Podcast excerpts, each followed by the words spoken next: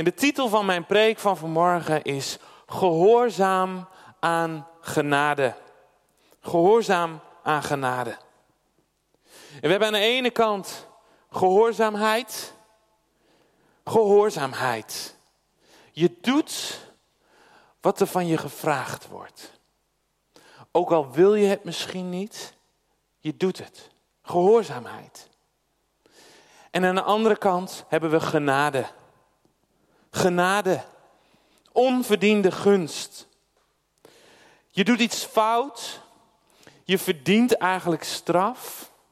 Maar je ontvangt genade. De fout die je begaan hebt, wordt je niet aangerekend. Maar je ontvangt genade. Maar dan vraag ik me af. Waarom heeft iemand genade nodig als die gehoorzaam is? Genade is toch alleen nodig als je iets fout doet? Als je een zonde begaat? Hoezo dan deze titel? Gehoorzaam aan genade. Gehoorzaam aan genade. En ik wil jullie vanmorgen meenemen met drie vragen. En de eerste vraag is: waarom moet iemand gehoorzaam zijn als hij weet, als hij zeker weet dat hij toch wel genade ontvangt? Want het wordt hem door de zekerheid van genade toch niet aangerekend. Als hij gehoorzaam is, heeft hij geen genade nodig.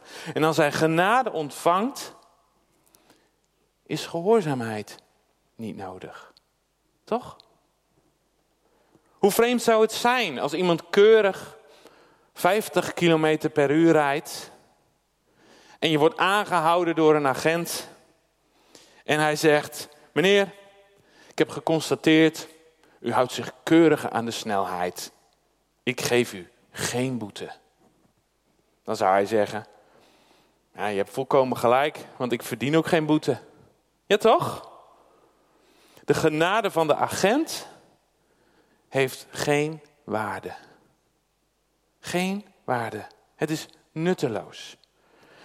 Maar als deze man 80 rijdt op een weg waar hij 50 mag, dan heeft genade opeens veel meer waarde. Omdat hij die genade keihard nodig heeft om vrijgesproken te worden en om geen boete te krijgen. Maar als hij gehoorzaam is, is genade niet nodig, want hij houdt zich aan de wet die zegt dat 50 is toegestaan. En andersom, als hij weet dat hij toch wel genade ontvangt, als hij 80 rijdt waar hij 50 mag, als hij zeker weet dat, hij, dat de agent zegt, meneer, u krijgt geen boete. U bent vrij om te gaan. Waarom zou je dan nog gehoorzaam zijn? Gehoorzaamheid is niet meer nodig als hij de zekerheid heeft van genade. Toch? Genade en gehoorzaamheid. Ze staan lijnrecht tegenover elkaar, lijkt het. Maar is dat wel zo? Het antwoord hierop komt van Jezus zelf. Want als het niet zo is, wat betekent dat dan voor u en voor mij? Wat betekent dat voor ons als volgelingen, als discipelen van Jezus? Want het volgen van Jezus betekent dat we Hem in alles volgen, toch? In alles. In de Bijbel lezen we over apostelen, over de discipelen. Ze zijn dag en nacht bij Jezus. En ze zien wat hij doet. Jezus geneest zieken. Hij onderwijst zijn discipelen. Hij vergeeft zondaars. Zijn bediening groeit in korte tijd uit naar de grootste in het land. Heel Israël heeft over hem gehoord. Hij is geliefd door zijn volgelingen en hij wordt gehaat door de leiders van het volk.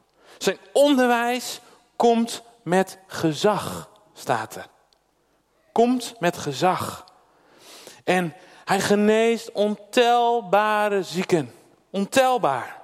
En zijn liefde voor de mensen is zo ontzettend groot, zo groot, dat hij uiteindelijk sterft voor alle zonden van de wereld. Aan het kruis op Golgotha. Hij redt de wereld van de dood. Dit is ook wat we met elkaar vieren als we het avondmaal met elkaar e- delen. Maar laten we bij het begin beginnen. Jezus' bediening begint als de Heilige Geest als een duif op hem neerdaalt. Of eigenlijk begint het nog eerder. Hij begint op het moment dat hij door Johannes de Doper wordt gedoopt in de Jordaan. Jezus, de Zoon van God, laat zich dopen. Moet Jezus zijn oude leven afleggen om een nieuwe schepping te worden? Laten we de Bijbel eens openslaan op, bij Marcus 1. Het gedeelte waarin Jezus wordt gedoopt door Johannes. En vandaag wil ik met jullie lezen uit de Nadense vertaling.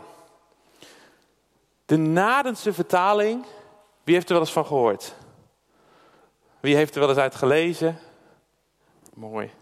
Nou, de Nadense vertaling heeft als doel om de letterlijke vertaling van de brontekst, die geschreven zijn in het Hebreeuws en in het Grieks, zo betrouwbaar mogelijk weer te geven, over te brengen. En dit betekent dat zinnen soms voor ons wat onlogisch klinken qua opbouw, maar de vertaling is nauwkeuriger in vergelijking met die van andere vertalingen. Omdat deze heel dicht bij die brontekst liggen. Nou, laten we met elkaar lezen Marcus 1, vers 7 tot en met 9. Hij predikte en zei: Op komst is hij die sterker is dan ik, na mij. Ik ben niet toereikend om te bukken en de riem van zijn onderbindsels los te maken. Ik heb u gedoopt met water, maar hij zal u dopen met de Heilige Geest. En het geschiet in die dagen dat komt Jezus, vanaf Nazareth in Galilea. En dat hij zich door Johannes laat onderdompelen in de Jordaan. En meteen als hij opklimt uit het water, ziet hij de hemelen scheuren en de geest op hem neerdalen als een duif. En, het, en er geschiet een stem uit de hemelen. Je bent mijn zoon, de geliefde. In jou kreeg ik welbehagen. We lezen hier dat Jezus zich laat onderdompelen. Laat dopen in de Jordaan door Johannes de Doper. En dat Johannes zegt, er komt straks iemand en die is veel belangrijker dan ik. En ik, ik, ik ben het niet eens waard om zijn vetus los te maken. En dan heeft hij het hier over Jezus. En dan komt Jezus bij hem, bij Johannes in de Jordaan, om zich te laten dopen. En dit is op het eerste gezicht heel opvallend. Want Johannes doopte met de doop van bekering. De doop van bekering tot vergeving van zonden staat er. Dat staat in vers 4. En had Jezus dan vergeving nodig? Moest Jezus zich dan bekeren? Waarvan? Hij was toch zonder zonde? En in plaats van dat we nu antwoord hebben op die vraag die ik net stelde, waarom laat Jezus zich dopen? Waarom hebben we er nog een vraag bij? Dat is, waarom laat Jezus zich dopen met de doop van vergeving van zonde als hij zonder zonde is? Hij is zonder zonde, toch? Amen. De Bijbel bevestigt dat ook. In Hebreeën 4 staat, Want wij hebben geen heiligdom overste die niet kan meeleiden met onze zwakleden, maar één die evenzeer beproefd is geweest in alle dingen zonder zonde. Het gaat over Jezus. In 1 Petrus staat, hij heeft geen zonde gedaan en in zijn mond is geen bedrog gevonden. En of, uh, verder terug staat, weten dat ge niet door vergankelijke dingen van zilver of goud zijn losgekocht uit uw vergeefse door de Vader en doorgegeven wandel, nee, door kostbaar bloed, als van een onberispelijk, onbevlekt lam van Christus. Allemaal teksten die bevestigen dat Jezus zonder zonder is. En toch laat hij zich dopen door Johannes de Doper. Met de doop van bekering tot vergeving van zonden. Waarom laat Jezus zich dopen als hij zonder zonde is? Want als er iemand is die het niet nodig heeft om gedoopt te worden, dan is het Jezus. En toch kiest hij ervoor om zich wel te laten dopen. Waarom? Zit u al op het puntje van uw stoel? Ik probeer de spanning een beetje op te voeren, heeft u wel door? Het antwoord hierop komt van Jezus zelf. Laten we met elkaar lezen Matthäus 3, vers 13 tot en met 15. Daar staat, dan treedt Jezus aan uit Galilea op de Jordaan af tot bij Johannes om door hem gedoopt te worden. Maar die heeft hem tegengehouden, zeggend: Ik heb het nodig gedoopt te worden door jou. En jij komt tot mij? Maar ten antwoord zegt Jezus tot hem: Laat het onmiddellijk toe. Zo immers past het ons alle gerechtigheid te vervullen. Dan laat hij hem toe. Jezus zegt tegen Johannes: laat het onmiddellijk toe. Zo immers past het ons alle gerechtigheid te vervullen.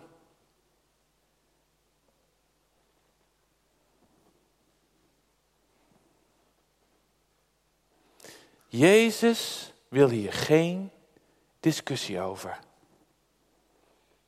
Hij wil direct dat Johannes hem onderdompelt. Laat het onmiddellijk toe. Hij wil direct gedoopt worden. En Johannes gaat er niet meer tegen in en hij doet wat Jezus van hem vraagt.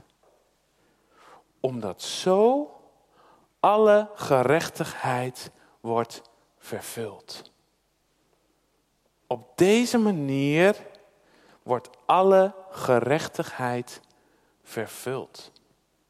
Met andere woorden, omdat het rechtvaardig is in Gods ogen om dit te doen, wil ik dat jij mij nu doopt omdat hij weet dat dit de wil is van God de Vader, kiest Jezus de Zoon ervoor om zich te laten dopen door Johannes de Doper. Om dat te doen wat in Gods ogen rechtvaardig is. Om dat te doen wat goed is in Gods ogen. Wauw. Wauw. Jezus is gehoorzaam aan de Vader. Omdat hij weet dat hij daarmee de wil doet van zijn Vader. En dit is het enige wat voor hem geldt. Gehoorzaamheid aan God is voor Jezus belangrijker dan wat dan ook. En wat gebeurt er dan? Wat gebeurt er als Jezus zich heeft laten dopen? De Heilige Geest daalt neer als een duif op Jezus. En wat gebeurt er nog meer? Er klinkt een stem uit de hemel. En die stem die zegt, dit is mijn geliefde zoon in wie ik welbehagen vind. Nou, welbehagen, dat is een moeilijk woord voor puur geluk. Euforie. Geweldig. Zo geweldig vindt God de Vader Jezus. En wanneer zegt God dit tegen Jezus? Op het moment dat hij zich laat dopen. Ja. En als het gebeurd is, dan is Jezus er klaar voor. Dan is hij er klaar voor. Dan is hij klaar om zijn bediening in te gaan. Om te beginnen. En hij wordt de woestijn ingevoerd door de geest. Maar hoe is dit dan voor jou en voor mij? Voor u en voor mij. Als dit voor Jezus geldt, geldt dit dan ook voor ons? Vraagt God ook van jou om je te laten dopen? Want Christus, we zijn toch gereinigd door het bloed van Christus? Hij heeft toch voor ons de prijs betaald?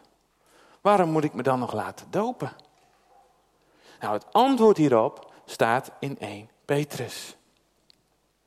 En Petrus legt uit dat de zonvloed in de tijd van Noach een voorafspiegeling is van de doop in Christus. Hij schrijft in 1 Petrus 3, vers 21. Als tegenbeeld daarvan, waarvan, zoals God Noach zijn gezin redde, red nu een onderdompeling ook u. Red nu een onderdompeling ook u. Die is niet een aflegging van vuil dat op vlees zit. Het is dus niet een bad waar je je lichaam mee schoon wast. Nee, nee, het is een bede tot God om een goed geweten door de opstanding van Jezus Christus. Dus ja, Jezus is voor jou gestorven en hij heeft de dood overwonnen. En door je onder, onder te dompelen, door je te laten dopen, bid je tot God, maak mij rein, Heer. Was mij schoon. Geef mij een schoon geweten. In het vertrouwen en in het geloof dat God dat doet. Dus de doop is een belangrijke uiting, een zichtbare uiting van vrijwillige onderwerping, van gehoorzaamheid aan Gods genade. Door de doop zeg je in het natuurlijke en in het geestelijke, ik onderwerp mij aan Gods genade. En ik geloof dat ik in Christus een nieuwe schepping ben geworden. En je legt je oude leven af en je nieuwe leven begint. Je staat op met je nieuwe leven in Christus. En zo wordt voor eens en voor altijd duidelijk bij wie jij wilt horen.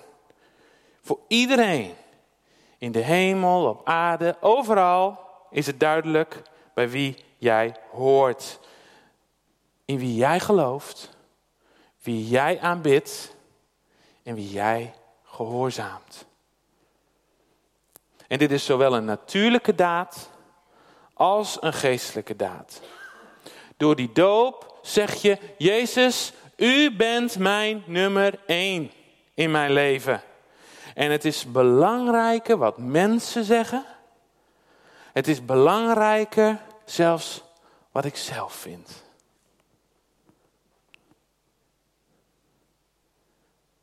Want u bent mijn nummer één. En ik geef mijn hele leven in gehoorzaamheid aan u. Niet omdat het moet, maar omdat het Gods wil is. En Paulus zegt het heel mooi. Hij zegt, door geloof ben je een kind van God geworden en door de doop ben je bekleed met Christus. In Galaten 3 staat, allen immers zijt gezonen en dochters van God door het geloof in Christus Jezus. Want gij allen die tot eenheid met Christus zijt gedoopt, hebt u bekleed met Christus. De doop in water en het geloof in Christus, ze zijn onlosmakelijk met elkaar verbonden. Je kan ze niet los van elkaar zien. Door het geloof in Christus word je een kind van God. En door de doop word je een eenheid met Christus. En je weet, en je weet je zelfs, je geloof is niet eigen verdienste. Het is een gave. Het is een gave, een openbaring van God.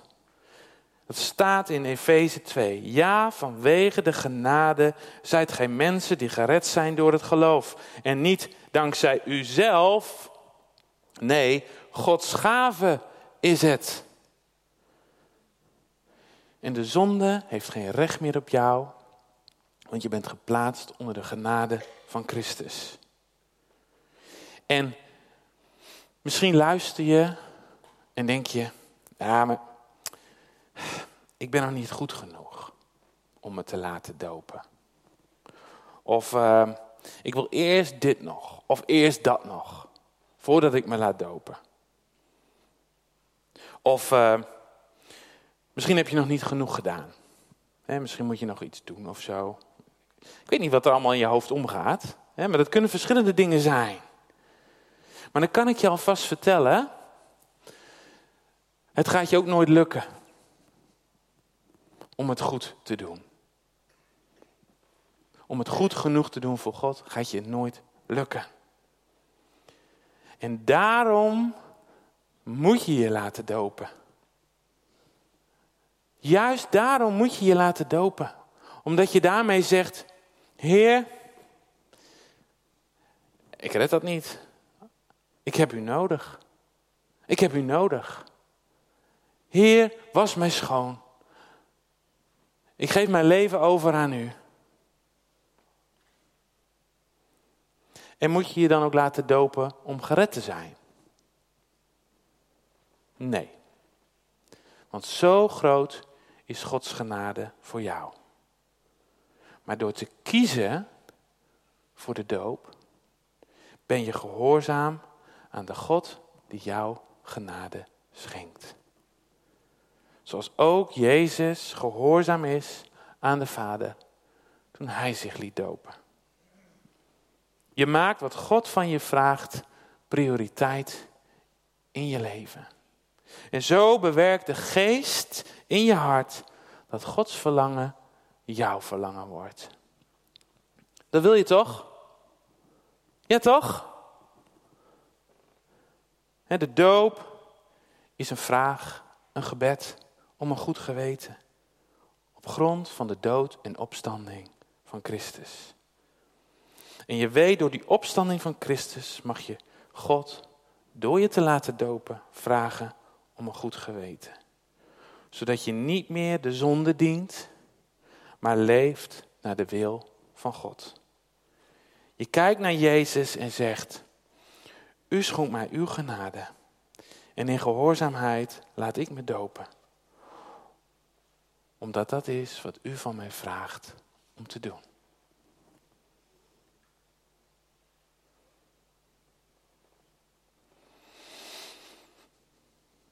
Wil je nou zeggen dat je zonden niet vergeven zijn? Als je je niet laat dopen?